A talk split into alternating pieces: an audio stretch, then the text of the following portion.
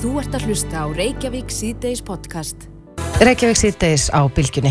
Uh, Ég las í fréttum í morgun að á ráðstefnu sem að fer fram þann 20. oktober næstkomandi að þá eru sögursakna um það að Mark Zuckerberg, forstjóri Facebook og stopnandi, muni kynna nýtt nafn fyrirtækisins. Ætlaði þá að hætta að heita Facebook? Ég, ég, ég veit það ekki. Mér finnst það, Er þetta ekki, ætlaði það sé ekki eitt verðmandasta vörumerki í heiminum í dag? jú, allavega eitt af þeim, en uh, samkvæmt fréttum að þá er markmiðið með þessu að endur nýja vörumerki fyrirtækisins. Já. en uh, þetta, í raun og veru þessar fréttir eða þessir orðrómur um nafn, nafnabreitinguna kemur á sama tíma og bandarísk yfirvöld hafa í auknum mæli verið að beina sjónum sínum að Facebook og hvernig starfsemi samfélagsmiðilsins er háttað Einmitt. Demokrater og republikanar hafa sótt að fyrirtækinu og saka fyrirtækjum meðal hans um ólögulega einokuna starfsemi, svo hafa verið fréttir af því að Instagram sé skadalegt fyrir uh, stúlkur Einmitt. og fleira. Þannig að þetta er, þetta er forvitnilegt en hinga til okkur að komin Davíð Lúter Sigursson, eigenda Sahara. Mhm, Takk fyrir bóðið. Hva, hvað er að gerast þarna? Já, Mark Zuckerberger er að hérna, fara að halda fund núna eftir nokkar daga, held ég eftir cirka viku, þar sem að þeir eru að fara vantarlega að, að uh, breyta um nafn uh, sem komið fréttunum í, í, í nót. uh, það er ekkert staðfest hvaða nafn það er eða hvort að Facebook mun halda sínu af því að sko Google gerði þetta 2016-17 þá var móðu fyrirtækið að nafninu Alphabet og Hver var ástæðan fyrir því? Uh, þeir eru sem sagt uh, bæði þessi fyrirtæki, Google og Facebook eiga náttúrulega gríða mikið magn af öðrum tæknifyrirtækjum og þetta er ekki bara leitavel og þetta er ekki bara samfélagsmiðl um, Facebook á til dæmis í dag 91 fyrirtæki. Þeir hafa keft uh, þau upp uh, síðustu 10-12 ár til að styrkja sig bæði með starfsmönnum og tækni sem er búið að búa til þegar. Getur þú nefnt okkur dæmi um, um hvers slags fyrirtæki Facebook á? Uh, til dæmis Oculus sem er þessi svona eins og glerugu, þú setur á þig og áttu komin í síndaveruleika heim. Og þeir eru að fara út í það núna miklu mæli að setja gríðalega mikl, mikla peninga núna bæði, eða bara út um allan heim er að eldast til 10.000 manns hérna í Evrópu næstu fjóru-fimm árum þess að þróa hana heim. Og þá getur til dæmis mátað föt eða farað á tónleika pröfu að gera bíla eða bara þessi hefðböndu fundir staðin fyrir að nota Skype eða eh, þannig tól að þá getur hort á viðkomandi og þá býr hann til sinn avatar eða svona persónleik eh, sem með sitt, hár og, og allt þetta og maður sé í þessum tölvuleikjum. Já, og það eru nokkuð fyrirtæki sem er að búa til hann að metaverse heim og þeir í Facebook segjast er að gera þetta samlega öðrum fyrirtækjum. Já. en Það já, þarf fólk að eiga þessi síndaverleika glerugu, Oculus. Já og þeir hafa verið að selja þessi uh, þetta út í þessum tölvuleikja búðum á sko undir kostnæðaverði sko þeir eru bara að reyna að dreifa þessu til uh, sem flesta og, og láta allir vera tilbúna Þetta fæst í Elko. Já, þetta gerir dæmis. það já, já. Já, já. Akkurat. En uh, ég, ég myndist aðeins á það hérna áðan að bandarísk yfirvöld hafa já, verið að beina sjónu sínum að Facebook. Já. Um hvað snýst þetta? Er þetta, það var einhver, einhver kona sem að stegi fram þarna starfsmæði Facebook og, og var í raun og veru uppljóstrari. Já, uh, Francis Haugen uh, hætti þarna í uh, cirka í mæ eða april-mæ og þar tókur með sér nokkur skjöl sem síndi það að síðustu þrjú ár hafa til dæmis Mark, Mark Zuckerberger og fleiri toppar þarna að vitað af rannsók sem var gerð þarna síðustu þrjú ár þar sem að þriðjungur kvenna á svona ungra kvenna líður mjög illa að vafra á Instagram þar sem að það er mikið af uh, þessum, uh, þessum myndum sem að um, komur að segja, læta þau bara líða illa En bara svona varandi líkams ímynd og annað slíkt. Já, og, og, og þú, eins og rannsóðin segir sko, ef, þú, ef þið líður illa fyrir að þá líður ennþá verra með því að vera vafra. Af því að algoritmin er ekki að hjálpa þarna. Ef þú líkar við eina mynd sem að er verið að sína sixpack eða, eða eitthvað þannig mynd. Þá eh, sixpack. þig við og þá er þitt eh, eða þinn samfélagsmiðl allan daginn svona. Og þá er þetta að segja haustum á þér að þetta er bara trendið og þetta svo náttu að vera. Þannig að hann er ekki að hjálpa þessi algoritmi þótt að hann hjálpi kannski öðru mm veist, að finna áhugamáli sín og allt þetta. Þannig að jú, þetta var algjört eh, bara stór neyksli en, en frábært hjá henni að stíga fram uh, loka orðin hennar þegar hún skrifaði á sagt, uh, workplace innan Facebook. Síðast daginn var I don't hate Facebook, I love Facebook, I want to save it. Þannig að hún er ekki á móti sérstaklega fyrirtækinu uh, heldur meira bara hvað þetta er að þróast og það þarf ykkur að setja niður lappinu og laga þetta. En þeir hafa verið að senda út frétti frá sér eins og fyrir tveimur ára síðan þá tókuður út lækin það var bara píastönd og það kom bara strax í ljós að það skipti engum máli.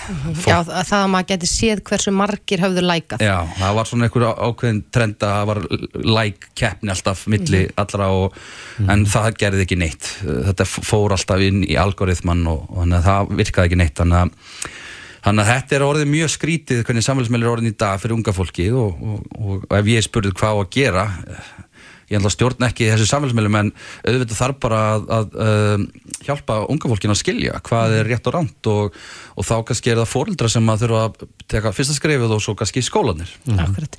En heldur að, að, að þetta tengist eitthvað, sem þessar, þetta ákveðna neykslismál og svo nafnabreitingin? Um, sko það getur verið að þetta sé náttúrulega bara einhver hlut að því en, en eins og Alphabet eða Google gerði þau náttúrulega eiga veist, bílafyrirtæki og allt þetta en þeir ákvaða uh, að móðu fyrir, fyrirtæki var í Alphabet uh, nýja fyrirtæki sem Facebook er að fara að stopna uh, verður auðvitað kringum öll þessi 91 fyrirtæki og, og vilja vera kynnt undir þeim formerkjum staði fyrir þetta sé bara samfélagsmeila því að Facebook er miklu meira. Um, Er það bara verið að breyta nafninu á móður fyrirtækinu sem slíku? mig grunar á það sko en það kemur eiginlega ljós þetta viku og ég ætla ekki alveg að negla það nýri borðið en, en það verður rosalega merkilegt ef að Facebook nafnið fer. Uh, þetta er gríðarlega eins og á hann, gríðarlega uh, mikils virði þetta vörumerki. Búið að gangi gegnum mörg stríð síðustu þrjú, fjögur ár sérstaklega í bandarækjunum og, og, og bara víðar. Uh, þeir þurfa allavega að laga uh, margt hjá sér til þess að, að uh, halda áfram með þetta nafn sko. en, en þeir eru allavega ekkert hættir þeir eru bara að fara að stækka og við erum alltaf fæst hann inni. Já, er það ekki? Það hefur oft verið talað um að Facebook sé á útleið eða svona minnst á það að það sé bara miðaldra fólk á Facebook og, Sko, og fleira í þeimdúr Já, ef þessi heimur kemur þessi metaverse heimur uh, þá mun unga fólki fara þangað inn. Og ef það er inn á Facebook þá kemur fólk, fólki þangað inn. Það er bara þannig. Já, þetta er spennandi. Davíð Lúter Sigursson, eigenda Sahara. Takk kærlega fyrir komin. Þú ert að hlusta á Reykjavík síðdeis podcast. Engin veit fyrir allt í einu, það á að selja mílu. Og hvað er nú það? Já, það er nú hluti af, af mikilvægu dreifikerfi, net, allir lifa á neti og e, þegar maður leitar e, fanga í dag um, um, um svona framgang þessa máls að það sé, sé útlendingar eða franskt fyrirtæki eða fjárfestingarsjóðir sem er að festa að kaup á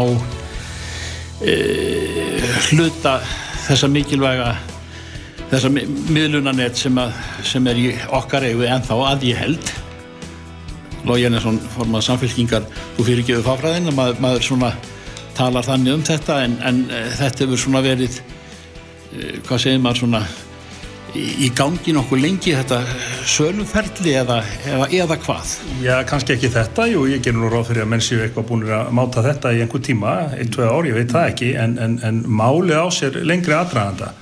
Uh, við getum farið alveg aftur til aldamótana þegar að uh, hugmyndu kom upp um að selja landsíman og þá var einmitt mjög mikil umræða í samfélaginu, bæði inn á þingi en auðvitað hjá einstökum uh, samtökum, neytendasamtökum og fleiri, uh, þar sem að uh, mörg okkar, samfélkingin meðal annars, lagði skegg því að grunnetið er selt með landsímanum, að þetta er skilið að. Eh, Þá voru sjálfstæðismenn og framsóknarmenn mjög harðir á því að þetta þyrfti að seljast í heilu lagi. Og það var svo gert held ég 2005 þannig að máli nær svo langt aftur. Ástæða fyrir því að við töldum og teljum enn að grunnetið eigi að vera sér og eigi að vera í almanna eigu og oppir eigu að þetta eru bara eins og margt annað í okkur samfélagi, þjóðvegir og annað, bara mjög mikilvægir innviðir og varða almanna hagsmunni. Uh, nú stendur til að selja þetta einhverjum erlendum fjárfestingasjóði og það getur vel verið ágættis fólk og fyrirtæki sem eiga þar aðild að. En það er þá stittri leið í að það fari í næstu sölu og komist í henduður á einhverjum sem við viljum síður. Mm. og það skiptir bara mjög miklu máli að núna verið stíð fast til jarðar. Ég heyri að fósetsráður að segja að þetta hafi rætt í þjóðarörgisráði sem sýnir nú hvað málið er alvarlegt. Og það er bara mjög mikilvægt að uh, alþingi gerði fyrir það að þetta geti skapað hættu bara fyrir almenning og, og öryggi að minnstakosti mm. Uh, best væri þetta að þetta væri höndunum á hennu opera mm.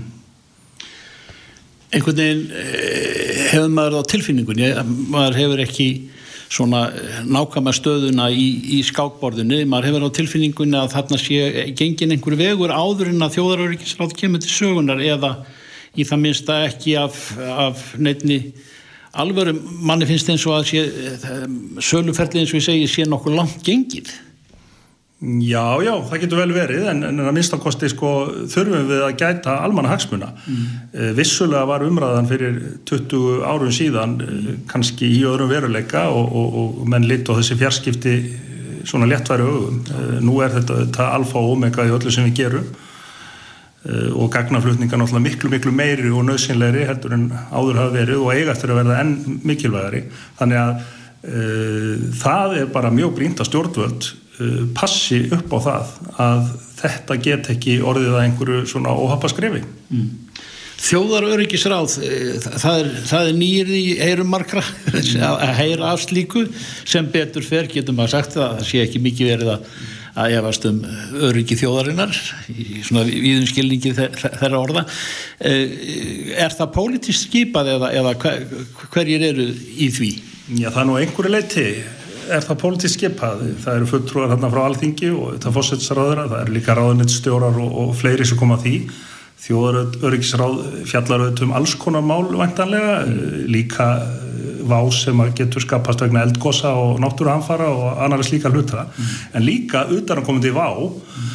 og við skulum muna það að, að, að margir tala um að svona eitthvað það skæðasta sem að okkur getur eða eða við okkur getur blasað er í rauninu ógn vegna netöryggis og fjarskipta þannig að þetta skiptur auðvitað allt máli mm. Hvernig viltu sjá uh, lokin á þessu?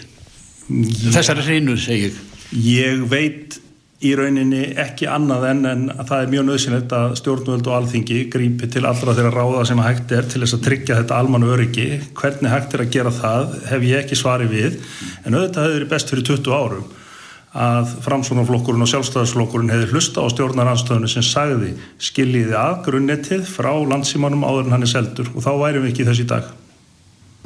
En það getur verið að við missum að þessu? Já, við skulum nú vona að við höfum tæki og tól til þess að komi vekk fyrir það að okkur mögulega stafni, stafi ókn eða óöryggi að minnst okkur stjáð þessu. Já. Lógi, takk fyrir það. Við erum bjarsinn. Já, já, við verðum alltaf að vera það. Takk. Þetta er Reykjavík C-Days podcast.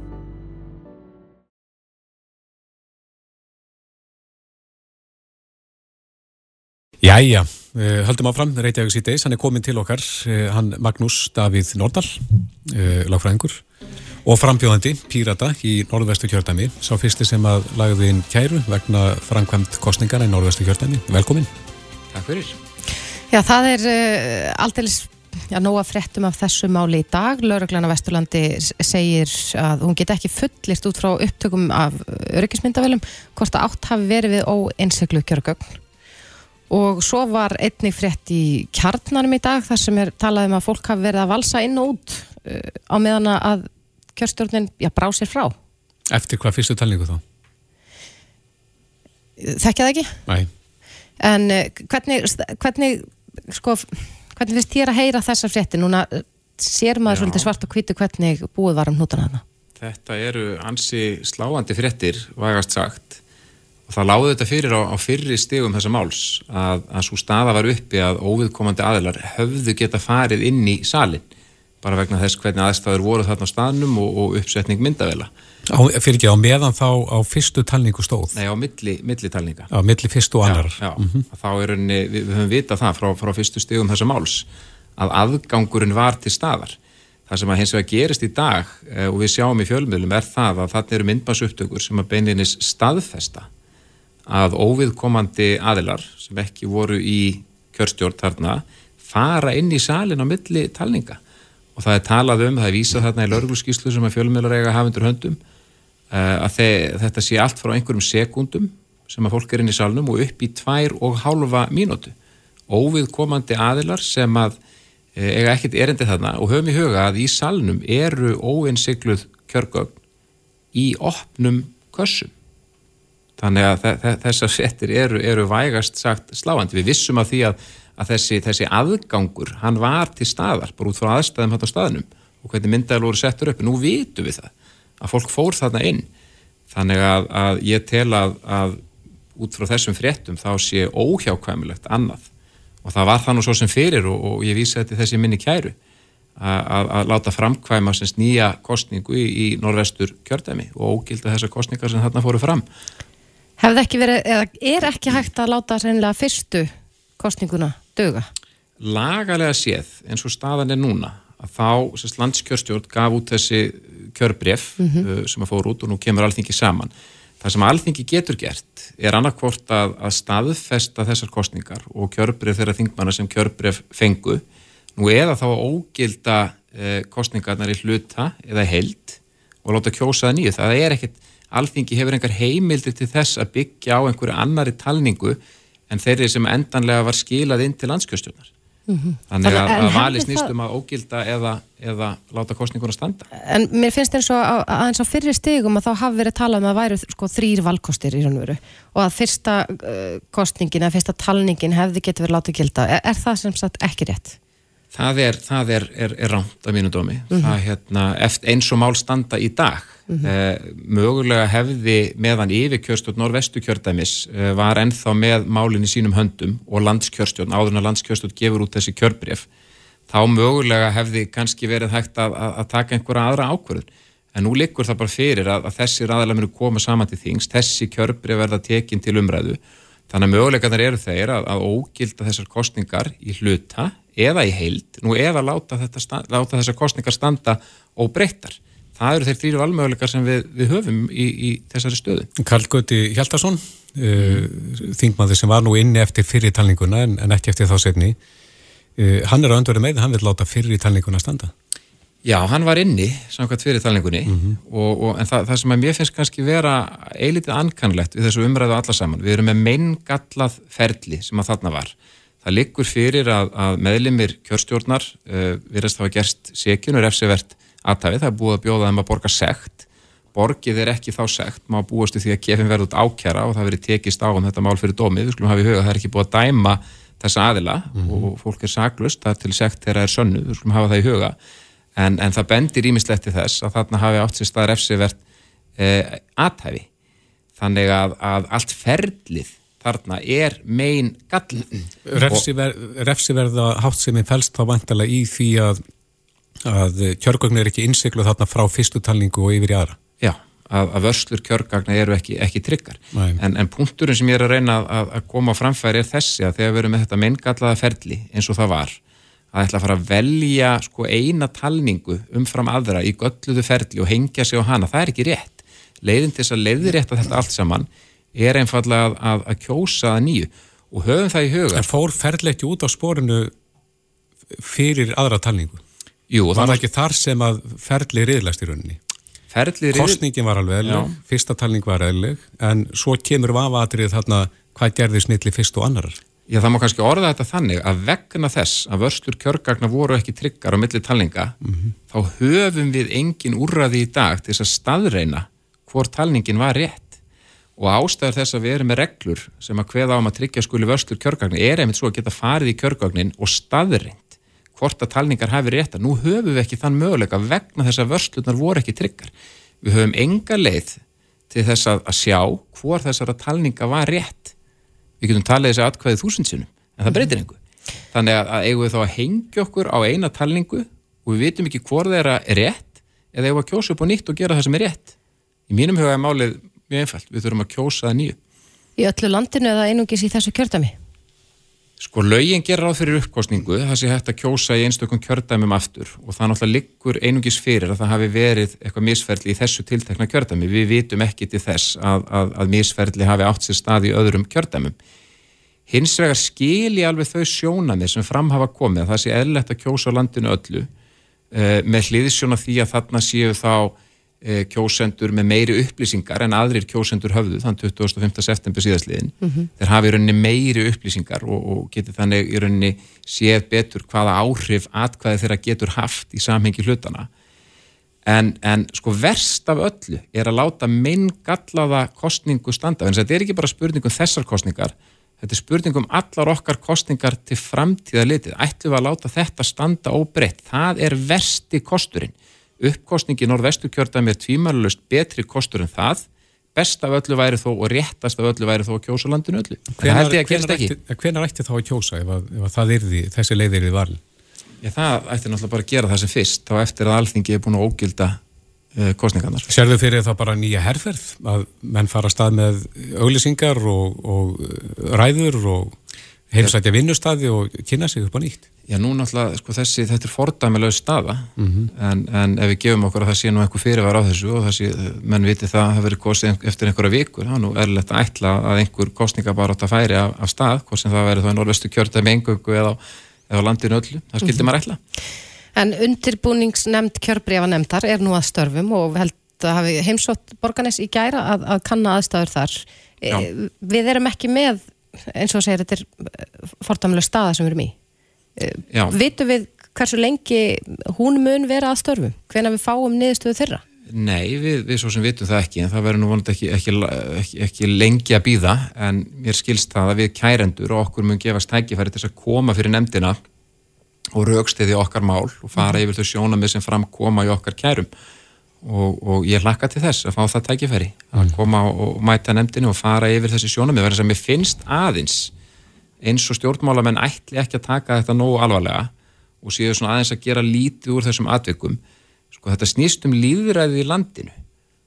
Og er, sko rétt skal vera rétt og við þurfum að leiðrétta þetta að því marki sem við getum, við getum ekki láta þetta standa, en mér svona finnst aðeins, aðeins eins og hljóði stjórnmálamönnum síðan einhvern veginn þannig að þeir taki þessu ekki nú alvarlega. Mm -hmm. og það er auðvitað bagalett En nú kann einhver að halda þið fram að þú varst korki inn eftir fyrstunni aðra talningu, að þetta sé eini sensin þinn á að komast inn Já, að láta kjósa upp á nýtt. Fólk hefur, hefur svo sem nefnt þetta við menn, ég vil taka það fram að, að áður en endurtalning fór fram í suðukjördami og við skulum hafa í huga að, að endurtalningi í Suðurkjördami þá fór þessi ringi ekki öll af stað. Mm -hmm. og ég hef ekkert að dottið inn ef að tölur hefðu fallið með þeim hætti í endurtalningunni í Suðurkjördami ég listi yfir minni kæru áður en að endurtalningin fór fram í Suðurkjördami og ég sagði það ég mun standa við mína kæru sama hvort ég er inni eða ekki Já. þannig að ég hef komið fram að þessu máli af, af einurð og, og heiðarleika mm -hmm. þáttur að, að fólk tali stundum með, með þessum hætti sko út í samfélaginu.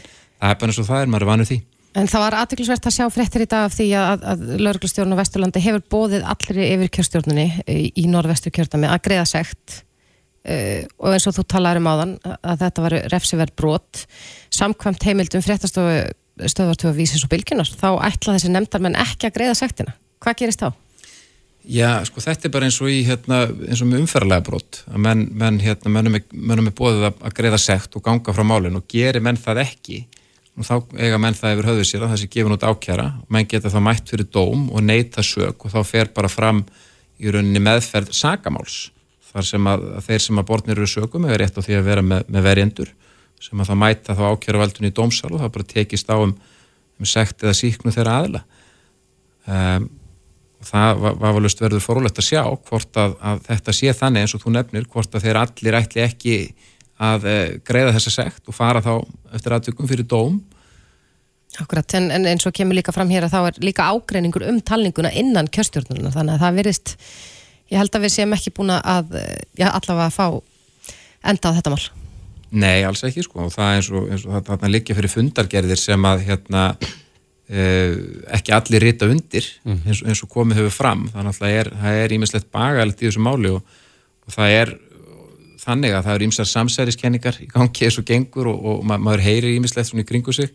En það, það þarf ekki að spá í því vegna þess að, sannleikurinn er líginni líkastur í þessu máli og það eru við að sjá dag eftir dag að það er alltaf eitthvað nýtt að koma fram. Einmitt. eins og í dag. Magnús Davíð Nórdal, eh, lagfræðingur, við skulum sjá hvernig þetta fer, það er að segja hver endalinn niðurstaða verður, en, en þú ert tilbúin til að, að fara lengra með málið ef að niðurstaðan verður ekki þér hlýðhóll? Já, það, það er eitthvað sem að maður myndi bara skoða á því tímamarki. Það liggur auðvitað fyrir að, að hérna, mannvitað dómstóla Evrópu uh, hvað er dóm uh, fyrir ekki svo lengur síðan í máli þar sem að semst, þingi sjálft er að ákveða hvort að kostning sé lögleg. Og, og það í rauninni ég, ég myndi halda ef einhver fer með þetta mál fyrir mannvitað dómstóla Evrópu að þá myndi það vera skellur fyrir, fyrir Íslenska ríki til þess kemi en, en við skulum nú bara vona að alþingismenn sjáu ljósið og geri það sem er rétt og leiðir rétti þetta að því marki sem hægt er. Mm. Magnús, takk fyrir komina. Takk sem leiðis. Reykjavík síðdeis á Bilginni podcast. Reykjavík síðdeis á Bilginni heldur áfram. Um, Alþjóðarsamskipti skipta gríðarlega, mik gríðarlega miklu máli. Já, heldur betur. En uh, spurningin er svo, hafa Íslendingar borið skarðan hlut frá borði í samskiptum sínum um heiminn mm -hmm. eða höfum við notið góðsæði? Já. Sá sem ætlar að svara þeir spurningu, Baldur Þóraldsson, professor stjórnmálfræði, er komin hinga til okkar, kom til sæl. Takk fyrir. Já, þú varst, komin til ykkar. Takk fyrir það. Þú varst ekki við bók. Já. Uh, Ásand fleirum. Já, við erum, við erum fjórir höfundarnir. Ég hef unnið þessa bók með, sko, þeim, þeir voru nefndu mínir, e, Tómas Jóhansen, e, Þorsten Kristinsson og Sverrir Stensson. Mm -hmm. Við erum samhöfundar af köplum í, köplum í bókinni. Höfum vinnað þessu í lengri tíma. Þannig að þetta lítur að vera gleði stund að fá þessa fallega bóki hendurnar. Ég er, nú, er að þukla á henni núna vegna svona er ofbúslega mjúk og falleg. Ja, þakka þér fyrir það. Já, sko, hún, hún spannar mjög langt tímabil. Rauninni, við förum yfir alþjóðarsamskipt Íslands frá landnámi til stopnunar lífveldis. Mm -hmm. Og það sem kveikjana að þessari rannsóknokna okkar er svo spurning hvort að við höfum vannmeti mikið vægi alþjóðarsamskipta í sögu þjóðarinnar. Mm -hmm. Er, er eitthvað rauðið þráður svona þegar þú skoðar þessa tímalínu? Já, það er það og það sem okkur finnst við verið að koma með nýtt vonandi inn í umræðina er það að við metum það svo sko, útlendingarnir hafa ekki verið aðræðin okkur nefna kannski á tímum einungurna vestlum dana. Að öðru leiti höfum við verið í sko pólitísku, efnaðaslegu og samfélagslegu skjóli sko útlendinga en bara mismunandi aðila á hverjum tímabil sögunar fyrir sig. Mm -hmm. Þannig við, við sjáum þetta þannig að sko alþjóðarsamskipti Íslands á hverjum tíma fyrir sig hefur verið grundvöldlun að nútíma væðingu samfélagsins og bara velsat Íslendinga. Bara allar götur frá landnámi til, til skorinn í dagsins í dag. En ja, höfum við uh, verið á bremsunni gagvart uh, erlendum ríkjum? Sko við, í gegnum tíman? Já sko orðræðan mistakosti hefur verið þannig hér á landi og við segjum söguna þannig að þessi svona átök og millið sko, sko völdin liggi sko á Íslandi, í Noregi, Danmörku eða Washington í Brussel. Það snýst um allt um rauninni hvað nákvæmlega valdi liggur. En ég heldur rauninni þetta sé miklu viðþemara því við þurfum að skoða sko viðskiptatengslinn, við þurfum að skoða menningu og mentatengslinn og svo þurfum við líka að skoða diplomatísku og pólitísku tengslinn. Þannig að við erum að taka þetta allt saman en í orðræðunni í nútímanum erum við alveg föst í þessu hvar liggur valdið sem ég held að sjá okkur miskilingur og bara til dæmis varandi það á 20. öldinni sko, þá er það þannig eftir við stopnum heimastjórnina og verðum fullvalda 1918 og stopnum lífveldi, lífveldi sem 44 við vorum aldrei meiri þörf heldur fyrir vörnum og að Erlendi ríki tryggðu viðskipt og samgöngu við landið heldur en fyrir að setja heimstjórnveldinni þegar við verum orðir loksins fullvalda mm -hmm. þá þurftum við aldrei meira að skjóli Erlendir aðeila að halda mm -hmm. þannig að hvað nákvæmlega valdi liggur skiptur ekki öllu um hvað, hvað áhrif samskiptin hafa á landsmenn. Akkurat. En hvað, veld, hvað ætli valdið því að við höfum verið svona nokkuð tortryggin, ef maður orðaða þannig? Sko það er einhvern veginn, sko ég held að komi mikið til í þessari sjálfstæðisbaróttu okkar, sko raun á 19. aldar og byrjun 20. aldar, aldar þegar við erum að reyna, sko erum að slíta tengsli við Dani og erum að réttlæta það að við eigum að vera fullvalda og sjálfstætt ríki og kljúf okkur úr danska konustæminu, þá þurfum við, þá, þá, þá sko ígjum við ennþá meira orðræðuna um sko einangunarverslununa sem, sko, sem var vissulegði ekki góð en við ítum alveg til hliðar öllu sko öllu því mikilvæga sem Dani stuðlu að hérna efnaðarsljum framförum á 19. öld og raunin til 1918 við ítum við alveg til hliðar þessum sko gríðarlega mikilvægi sko menta og menningarsamskiptum sem við áttu við Dani bara allar götur með við tilhörum danska konungsveldinu en við fjöllum ekki um það sko en, og tengsli við köpmanhöfn þau voru líkið til þess að bara nútíma væðingu Íslands samfélags. Nýjasta tekn og vísindi, nýjustu hugmyndaströymannir sko er allt frá 15. öld til 1918 þau komu fyrst og fremst í gegnum köpmanhöfn þess vegna sko náum við sko að halda takt og halda tengslu við Evrópu. Og ef maður sko nota kannski yktustu dæmin sko þegar, þegar grænlendingar missa tengslin við vestur Evrópu þá þróast þar annars konar samfélag ég er ekki að segja að það sé neitt verra heldur en okkar samfélag við hins vegar náum að halda tengslunum allan götur við vestur Evrópu þó við höfum verið ákveðið afskýrt og það tryggir það að við höfum miklu auðveldara með að sko aðlagast nútíma menningunni heldur en grannildikar mm. til dæmis Þegar við, og þið skoðið samstifti Íslands við Erlendríki í gegnum tíðina uh, er þetta að sjá og út úr þessum samstiftum hverjir hafa verið okkar bestu vinir og bandamenn í gegnum tíðina? Já, ég myndi nú bara fyrst vilja taka sko njóska sjóveldið norðskonung á sínu tíma því að á miðöldum það var rauninni sammeilegt sko vest-norrætt markasvæði e, það sem hann töluðu sama tungumáli og voru að stunda viðskildi því norðskonungar sko þið vestlu sko norðvestur ekki suður, suður í lönd. Þannig að það var norski konungurinn. Síðan rauninni er ekki annað að segja fyrir aftur utur einangunarversluna að við höfum verið í skjóli Danaveldis og Danakonungs vegna þeirra mikið vægu sko menta og menningatengsla sem við vor, vorum og líka þeirra efnaðarslega uppbyggingar sem átti hér þó stað eh, en margt má kannski skrifa sem illa fór í samskiptunum á bara hugmyndaströyman og stefnundar sem voru ríkjandi almennt. Svo meðum heldur ekki gleyma til dæmis katholsku kirkjunni svo við höldum okkur aldrei við miðaldir og kannski til, til 1550 og katholska kirkjan er kannski og, og samfætting okkar menninga við menningu Evrópu fór fram í gegnum katholsku kirkjun og kristnina það skiptir enn meira máli í okkar tilfelli og tilfelli hinn að Norðurlanda þjóðana vegna sem við vorum, Norðurlandin voru ekki hluti að hennu samilega rómaska keisaradæmi og hefði ekki orðið fyrir samfættingu menningarinn í Evrópu. Mm. þannig að hlutur, hlutur kirkjunar og þeirra menningar sem þar fólks í þessar samfættingu skiptir miklu máli. Svo eru allir erlendu sæfæranir sko baskarnir, frakkarnir, hollendingarnir, hansaköpmenn sem voru að vestla við Íslandingar í mjög miklu mæli og við erum rík á, á vestlun við þessa aðila. Þeir eru rauninni ákveðinu leiti sko tryggja viðskipt og samgöngu við landið og voru okkar bestu vinir orðað þannig á þessum, þessum tíma. Mm -hmm. Síðan sko þegar við komum um á 19. öldin og 20. öldina þá eru danir orðin svo litlir allt í unum þeir voru stórveldi, voru stórveldi í Evrópu, þeir verða svo litlir að þeir geti ekki lengur tryggt þetta efnaðslega og pólitiska skjól sem við þurftum á að halda, breyta ráðorður yfir Norður Allansafi og þeir fara því bara fram sem þeir vildu, þeir gerðu það sem þeir vildu. Þeir virtu hlutleysu okkar þegar þeir vildu gera það, annars, annars ekki. Og við eigum orðið allt undir þá breytum komið og síðan þá bandaríkjamönnum Akkurat. En er hægt að heimfæra, sko, nú eru þið búin að fara einnig við söguna eins og segir, sko, uh, frá landnámi til liðveldis.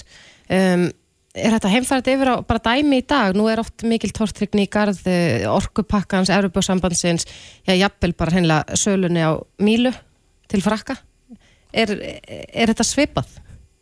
Já, ég held að sko einmitt til dæmis að því að sko hvað sem henni finnst um það og hvernig orraðan er orðunum sölu á Mílu til útlendinga það, það er aldrei, það er fljótt að fara inn í orðræðuna um sko við og þeir góðir slæmir mm -hmm. á þess að ég vilja endri að leggja, leggja mat á það hvort það sé kostur að, að míla sé hega útlendinga e, eða ekki og við getum tekið þessa orðræðu úr sko frá deilunum, deilunum um uppkastið 1908, 1908 aðeldinu Atlasasbandalæginu 1949 og orkupakkan þriðja bara í gær og tekur bara út þessi þrjú orð uppkast, NATO og orkupakkin og láti inn í sama texta og þú, sé, og þú getur farið með þetta. Mm -hmm. Við erum svo mikið í þessari orðræðu og svo er það líka núna, það er kannski orðið þannig núna, við þurfum ákveðið að velja hverjum við ætlum að vera með sko í liði.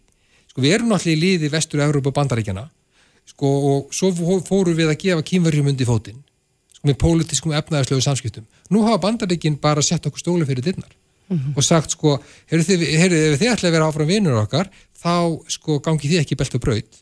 Þið stöðið það að Íslensk fjarskiptafyrirtæki eigi viðskipti við kýmversk fjarskiptafyrirtæki. Jú, hvað fáum við í staðin?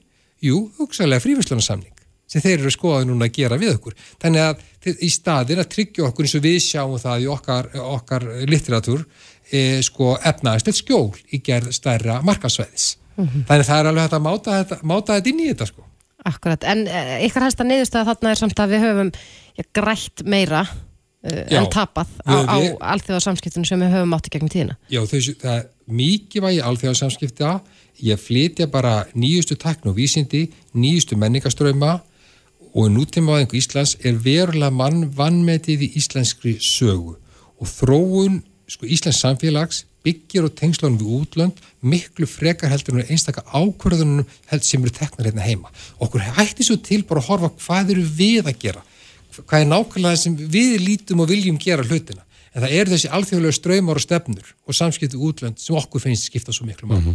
En Baldur, þið ætlið að funda á morgun? Já, við ætlum að vera með e, málþing í þjóð, þjóðminnasafninu klukkan fjögur á morgun þar sem við e, förum við virtu höfundanir og hefur síðan fengið til liðs við okkur sko, fjölda sakfræðinga og eitt fordlegafræðing ég veit ekki hvað við stjórnmálafræðingarnir erum að gera að stilla okkur sjálfvilju fyrir fram á stórskotalið sakfræðingarna og fordlegafræðingarna þegar við erum komin inn á þeirra svið. En við ætlum að hætta okkur út í það og ræða við sakfræðinga og fordlegafræðinga um þessa sín okkar í, í alþjóðastjórnmálum á samskipti Íslands. Flott. Baldur Þorvaldsson, kæra þakki fyrir komuna. Takk ykkur. Reykjavík síðdeis það er ekki á hverjum degi sem að ný íslensk kvikmynd er sínd, eða frumsýnd, hún var forsýnd í gær, er að segja, hérna, leinulöka. Akkurat, að margir búin að býða mjög spenntir eftir þessa mynd. Við höfum nú Já. talað um hana hér áður og, og eins og ég sagði þegar við spjöllum við leikstjórn, hann Hannes Þór, að þá held maður einhvern veginn að það væri meira svona, eh, eitthvað svona, já, ekki grín eða gert í gríni, en er, þessi mynd er búin að vera á alþjóðlegum kvikmyndaháttíðum og mér skilst allavega að, að gaggrinhendur takinni ofbáslega vel. Einmitt. Og sæði sinni vil ekki að þetta veri besta íslenska kvikmyndin í 20 ár. Jú, hann sagði það inn á, inn á Instagram hjá sér fyrir framann alla sína fylgjendur, þannig að Einmitt. einhverju munur að fara í bíó. Já, það var forsýning í gær og Bussi sjálfur er mættu til okkar auðvitað velkomin. Takk fyrir það. Hvernig var, eh, nú erum við, eigum við bæði eftir að sjá myndina, hvernig hefnaðist í gær? Þetta var bara einn skemmtilegast dagar æfum minna, sko. Já. Það hefur verið hreinskilin, ógeðslega gaman og allir bara í skíunum og sérstaklega við sem uh, komum með myndinni. Mhm. Gaman að sína hana loksins á Íslandi, við vorum búin að ferðast stolti með hana og hún er gerð fyrir íslenska marka.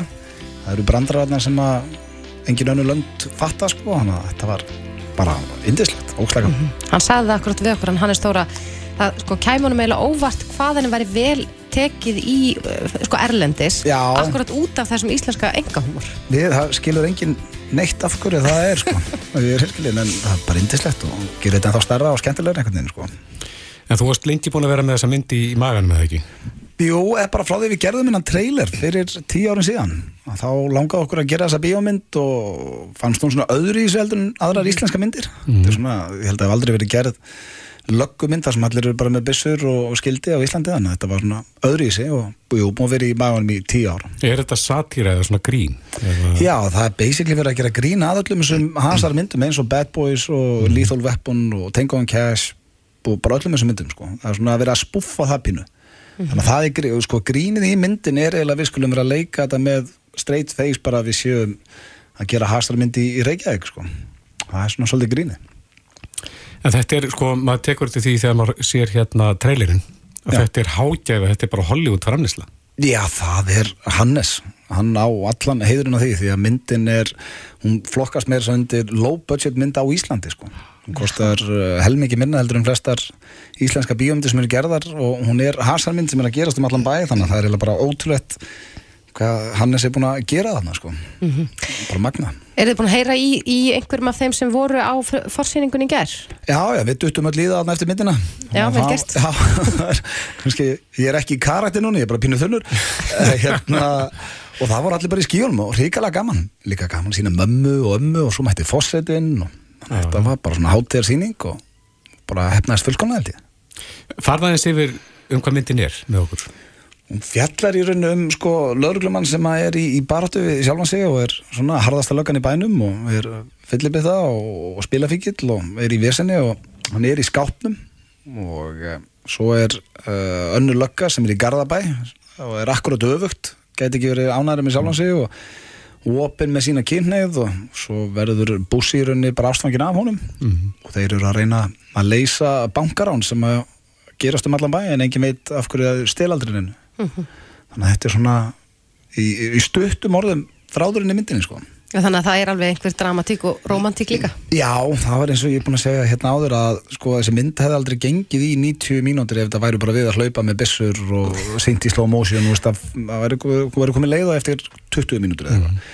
Þannig að það þurfti svona smá dift í þetta án þess að við værum eitthvað of hugsa það en þá bara föttu við að það er búið að vera ótrúlega marga svona myndir og, og þetta er alltaf einhverju svona harði gaurar sem að eru ástfangdina á konu sínum eða svona, okkur ekki að hann væri samkynniður Akkurat, en er myndin við að hafa barna?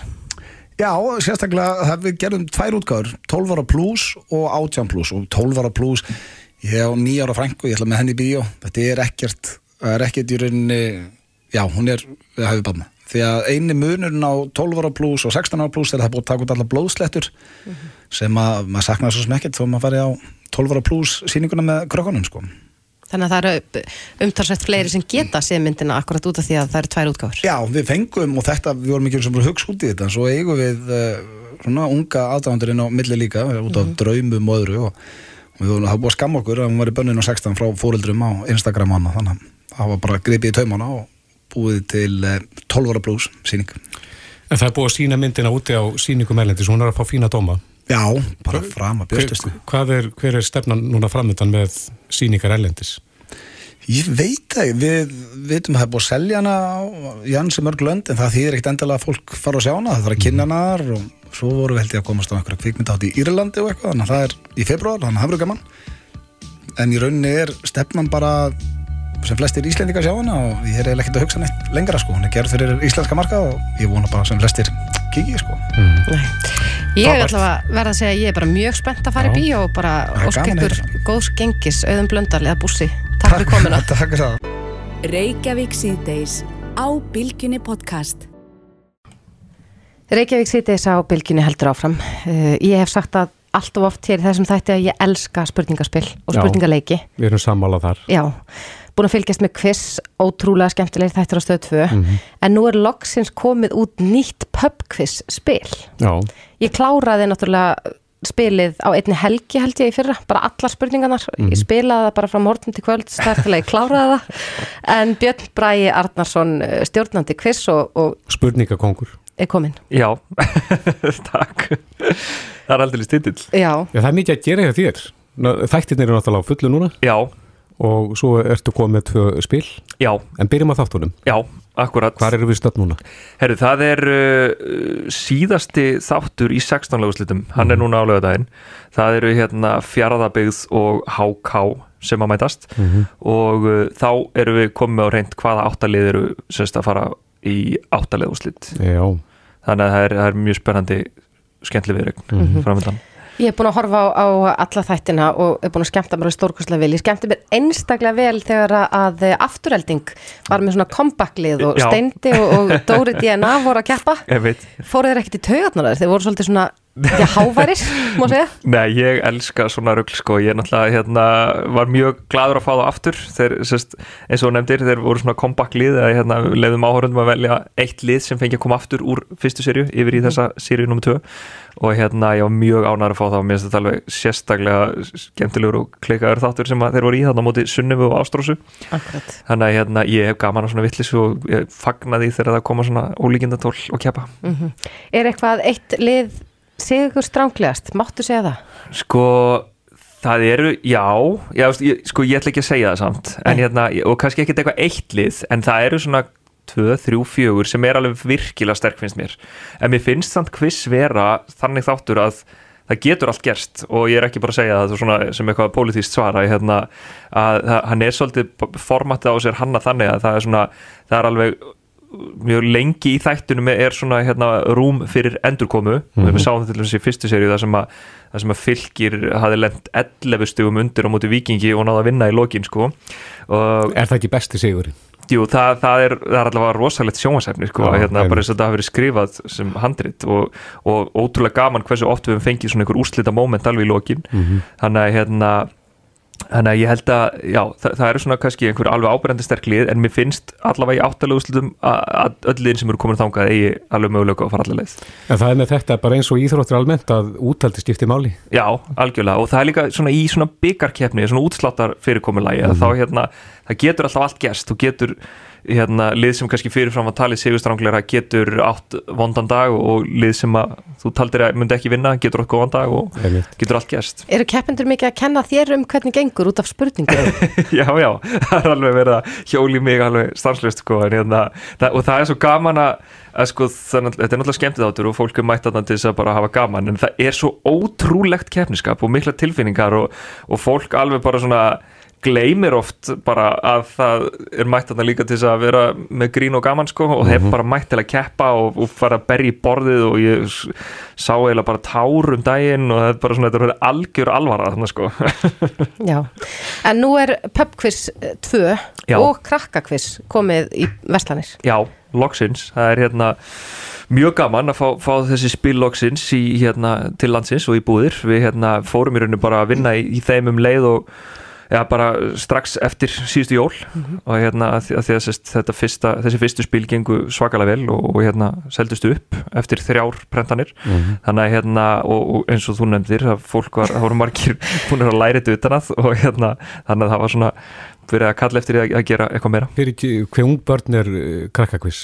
Hvað, Ég myndi segja bara alveg sko allra yngstu geta verið með sko. Og þetta er alveg hugsað þannig að það sé svolítið svona fjölbreytni í því í krakkakvissinu að hérna ég myndi segja kannski er svona, svona kjarnamarkópurinn kannski þú veist frá veist, 7 til 11-12 ára eitthvað svo leiðis en, en, en svo er þetta alveg í yngstu sem að bara geta verið með og svo hef ég líka heyrt bara af hérna fullorðnuliði sem við tekið í einhverjum partileik og ef þú gast ekki einhverju spurningu krakkakvist þá þú þurftur að taka skot. Þannig að hérna það er bara allur gangur á því sko. Já.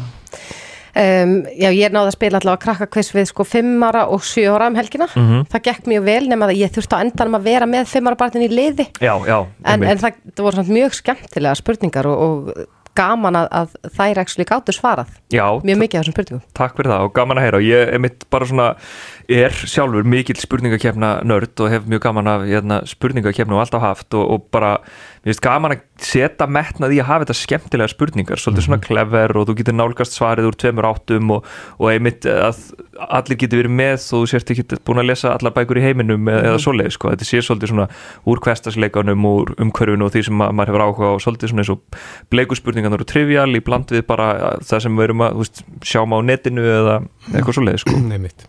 Er ekki bleiku spurningarnar þær vinsalustu? Yfirleitt? Jú, ég held Jó, klárlega En uh, Björn Breið, þetta er nú ekki fyrsta skipti sem kemur hingað til okkar og við krefjumst þess reynilega að fá að keppa aftur. Ég held að Staðan er eitt eitt. staðan er 1-1. Já, er það þannig? Já.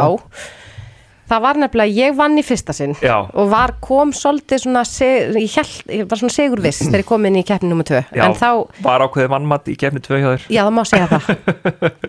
Þannig að nú er ég bara eh, á ég vona öllu. Já, Já. ok, það er eitt eitt þannig að hérna, þið ætla að taka stuttakefni núna Já. Uh, hvað, hafa upp í fimm stíg eða? Já, ég held að það hafi verið, á Já. Þannig síðast. Ok, þá Þannig að færist svarrétturinn yfir. já Já, Já, það er aldrei ok, þá, tvist. þá skulum við hafa tvö stig fyrir hverju spurningu Þetta er svona eins og í frægum línum í quiz Já. Tvö stig, eða það fyrir yfir þá færið eitt stig Eitt stig, okay. hljóma Ok. vel. Ok, þá byrjum við á Þórdísi Ó, Hvaða dýr eru ímist kend við hús, hólu, tré eða róða? uh, erum við að tala um mús? Nei, Geitunga. það er rétt Eitt stig. Eitt stig Ansans. Þannig var ég næstu búin að Það er- blóta í byrni. Já, það er vissulega húsa músrendar en, en svo þannig róða getungar og herrið mjög gott, uh, það var að Kristoffer uh, hvaða nafn má finna á japanskri bifreið og á tónlistarskóla sem er stafræktur í Íslandi? Suzuki. Það er rétt, Þessi var gefin. Hann er komið þrjú stygg. hann er komið þrjú stig uh, Hérna sé ég eina, ég ætla að líma þér við henni hérna uh, Það var að Ég er til í allt. uh, Hvort búa fleiri á Ísafyrði eða í Vestmannheim? Þú spyrði mig bara þessu. Um, ég myndi segja að það búi fleiri í vestmanni. Það er rétt, Yes. tvö stig Tvö stygg. Ég hefði sagt það líka. Já, Já, það er alltaf gott að segja það eftir það þegar maður veit svari. Uh, Kristoffer, uh, hvaða starfstjætt pakkar og snittar og þarf að þekkja munin á beigju, hnje, té og múfu? Ég myndi halda þetta væru píparar. Það er hár rétt, glæsilegt. Uh, það er þá hvað, Bíddu, 5-2 ekki? 5-2. Jú, við ætlum að hafa þetta upp í 10 að því að, Já, að, því að við ok. tvöfölduðum hann að stiga, Já. er það ekki? Jú, jú. Ok, ok. Uh, þá er það, uh, Þórdís, þessi er svolítið, sko, þetta er svolítið trikki. Ok. Hvert er eina landið í heiminum auk Mexiko sem hefur bókstafinn X í nafni sínu. Vá, Ég hversu langar umhugsunar Ég skal gefa ef við spurningu, þetta er í Evrópu. Í Evrópu. Um, Eina landið í heiminum auk Mexiko sem hefur bókstafinn X í nafni sínu. Ég held ég verði bara Þetta er lítið land í Evrópu. Ég seg, ég seg pass. Ertu með það? Luxemburg Það er Oh my god! Ég, sko, ég er búin að vera lasin, ég ætla að kenna því um þetta. Ok, ok, það er hvað, 6-2 Já. Uh, Kristoffer, uh, í hvaða keppni sigruðu Íslendingar í Bretlandi árið 1985 og 1988 og í Kína árið 2005 Býta nú við í Í hvaða keppni Já. sigruðu Íslendingar 1985 og 1988 í Bretlandi og í Kína árið 2005 Sérst, eigum þrjá titla í þessari keppni. Sigruðu uh, Þetta er ekki Brits. Nei, þú ert því setið með það. Nei, ég alls ekki. Í hvaða keppni? Já, ef ekki að segja þetta hafi verið Ég bara veit ekki, pass.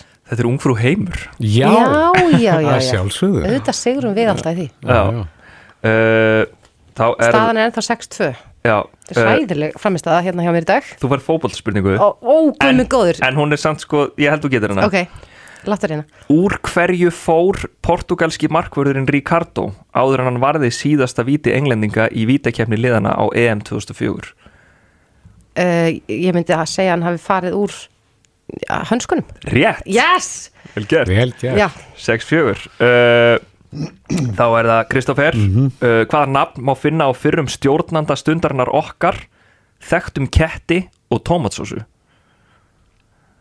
uh, Ekki Felix Er þetta Felix? Það er rétt, Já vel gert ég sá hvernig þú játtaðir þegar hann sagði Felix Þó að hlustendur sjáu það ekki þá sé ég það Er það átta fjögur eða ekki? Mhm. Ok, ég skal jánka líka ef þú ert á réttir leið ég, hérna, ég er svo meðvirkur með keppendum ég er Jú, jú. alltaf verið alltaf aðeins að hjálpa sko.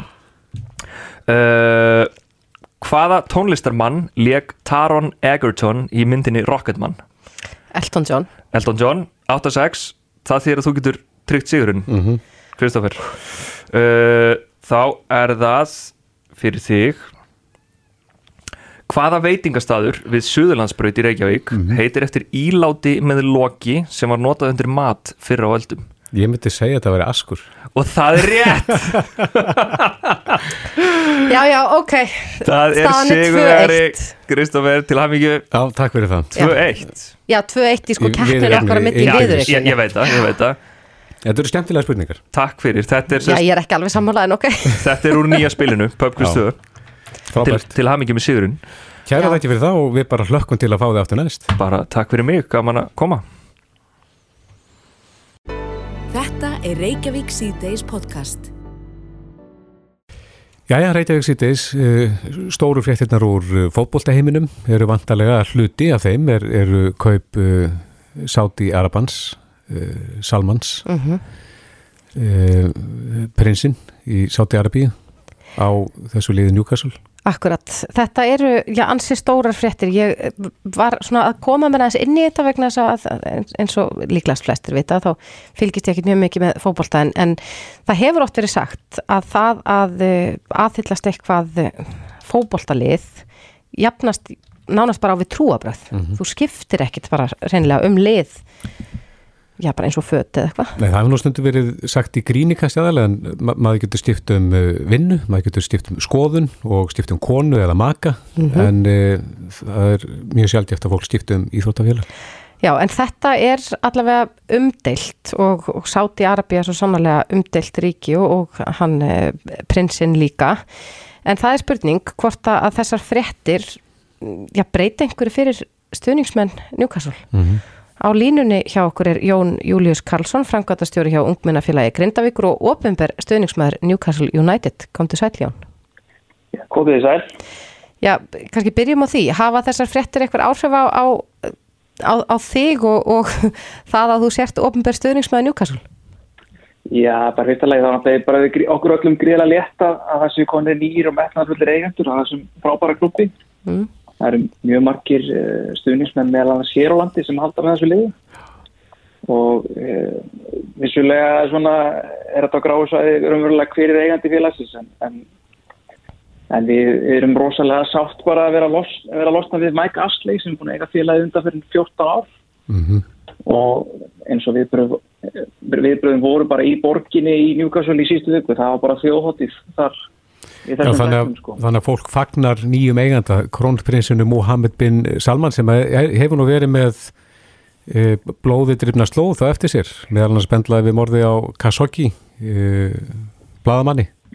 Já, það er kannski ekki alveg í, í svona í þeim dúr sem þeir eru að fagna honum sem nýjum eiganda Nei, ég held, ég held að flestir gerir sér grein fyrir því að, að, að, þessi nýja aðli sem á 80% í klubnum hann, hann á vafa saman fortíð það, það dilst engum um það nei, en er fólk ekkert mikið að kippa sér upp í það? Aðdáendur Nei, Newcastle? Nei, við erum ekki að fá það til fyrirnguna Nei, það, það var alveg langþreytt á þeirri stjórn sem var á félaginu undanförnum 14 árum þannig að, að það hefði nánast hver sem er geta kipt hennar klúb og verið smá hetja í leiðinni sko. Akkurat. Já, það var uh, bárust fréttir af því að um, stuðningsmenn hefðu fagnat tíðindunum ákaft en Newcastle verður núna lang ríkasta félag heims. Hvaða, hvaða máli skiptir það svona fyrir ja, klubin? er þetta gríðalega þýðingu. Uh, félagið er mjög stórst á efrasko mælikvarða og það er svona mikið potential að ég má sletta þess í þessum klubbi. Það er, þetta er eini klubburinn í Newcastle með 50 og 2000 manna völl uh, og margi telja að þetta sé svona smá súvandi rísi í, í fótballtanum. Þannig að, að það er ekki tilviljun að þeir eru að kaupa þennan klubb, uh, þessir aðlar. Og, og þeir sem hafa síðan fronta þessi viðskipti eru náttúrulega ekki, ekki prinsipent sjálfur heldur, heldur uh, aðalega breski köpsíslumenn. já, Og Ama- og Amanda Stafili hefur verið í, í þarabróti og hún og eigin hennar munum svona stýra klubnum næstu, næstu ári. hver er staða félagsins í dag? Hún er ekki góð. Nei, hva, hvar er liðið statt? Lið, liðið er í, í næstu sæti, næstu, næstu sæti með, með þrjústi og, og var að, að losa sig við þjálfara sinn í dag. Mm Þannig að, þannig að það eru, eru svona nýjir tímar í, í vændum og þeir eru strax komin á stað. Já, fullt af peningum þannig að það er hægt að fara að kaupa leikmenn og, og ráða topp þjálfara. Já, það, það er náttúrulega næsta, mála að ráða nýja þjálfara og, og en það er nú svo sem verið að reyna að herða á reglunum strax í kjörfærið á þessum kaupum. Það er verið að fara að banna núna til dæmis það að, að eigundur félagana geti styrt liðin beint gegnum svona styrtasamlinga til dæmis eins og, og var gert í tilfelli hérna Master City. Og hérna eh, þannig að það á að banna það en, en svo, svo má þetta spyrja sig hreinlega við öll sem að notum Facebook og drekkum Starbucks ég meina þetta eru sömu eigundur og eiga núna að við öll sem notum, notum Facebook í dag við erum að nota tól sem að er í, í, í miklum miklum hluta hjá eh, prinsinum af Saudi Arabíu já. En heldur þú að, að þetta eignarhald eh, muni hafa einhver áhrif á það að fá leikmenn? Heldur einhver leikmenn muni setja sig upp á móti því að spila í liði sem er í eigu sátti arabíska prinsins? ég held að það verði ekki vandamál með hversu margir leikmenn er að fara til Katar að spila og, og, og þjálfa á annað. Ég held að það ég meina okkar fyrir til landstjálfari var að þjálfa heitt Katar. Ég er ekki að segja þessu sömu eh, hérna, síðfyrirli vandamál sem við erum með að stríða þar og í verið það er kannski aðeins verða þar. En að því endur þau degir að snýsta aðlum peninga hjá, þessum kattum Já, hefur heyrt einhverja róana í rattir vegna uh, þessa eignarhalds? það er nú aðalega bara frá eigendum hinnafélagana Já, en stuðnismenn Newcastle eru, eru bara heiminlefandi. Já, ég myndi telja það og ég held að sé bara uh, þetta sé mjög jákvæmt fyrir félagið og borgina uh, ég veit fyrir víst að, að þessi aðrar eru að kaupa þannig klub til að tengja spetur inn í borgina og fara í vetna fyrir verkefni í kringum uppbyggingu á, á vindmilum á þessu svæði. Uh, á, það, þeir eigendur sem er 10% í klubnum sem að koma frá svæðinu allar setja mikla peninga í uppbyggingu á, á vellinum sjálfum og sömulegis bara á hérna, íbúðabyggingu á, á svæðinu. Þannig að, að þetta mun hafa gríðarlega áhrif á Norður England þessi fjárfæsting Já, en Jón Július, hefur þú haldið lengi með Newcastle United? Segð ekkert fyrir þeirra að skipta?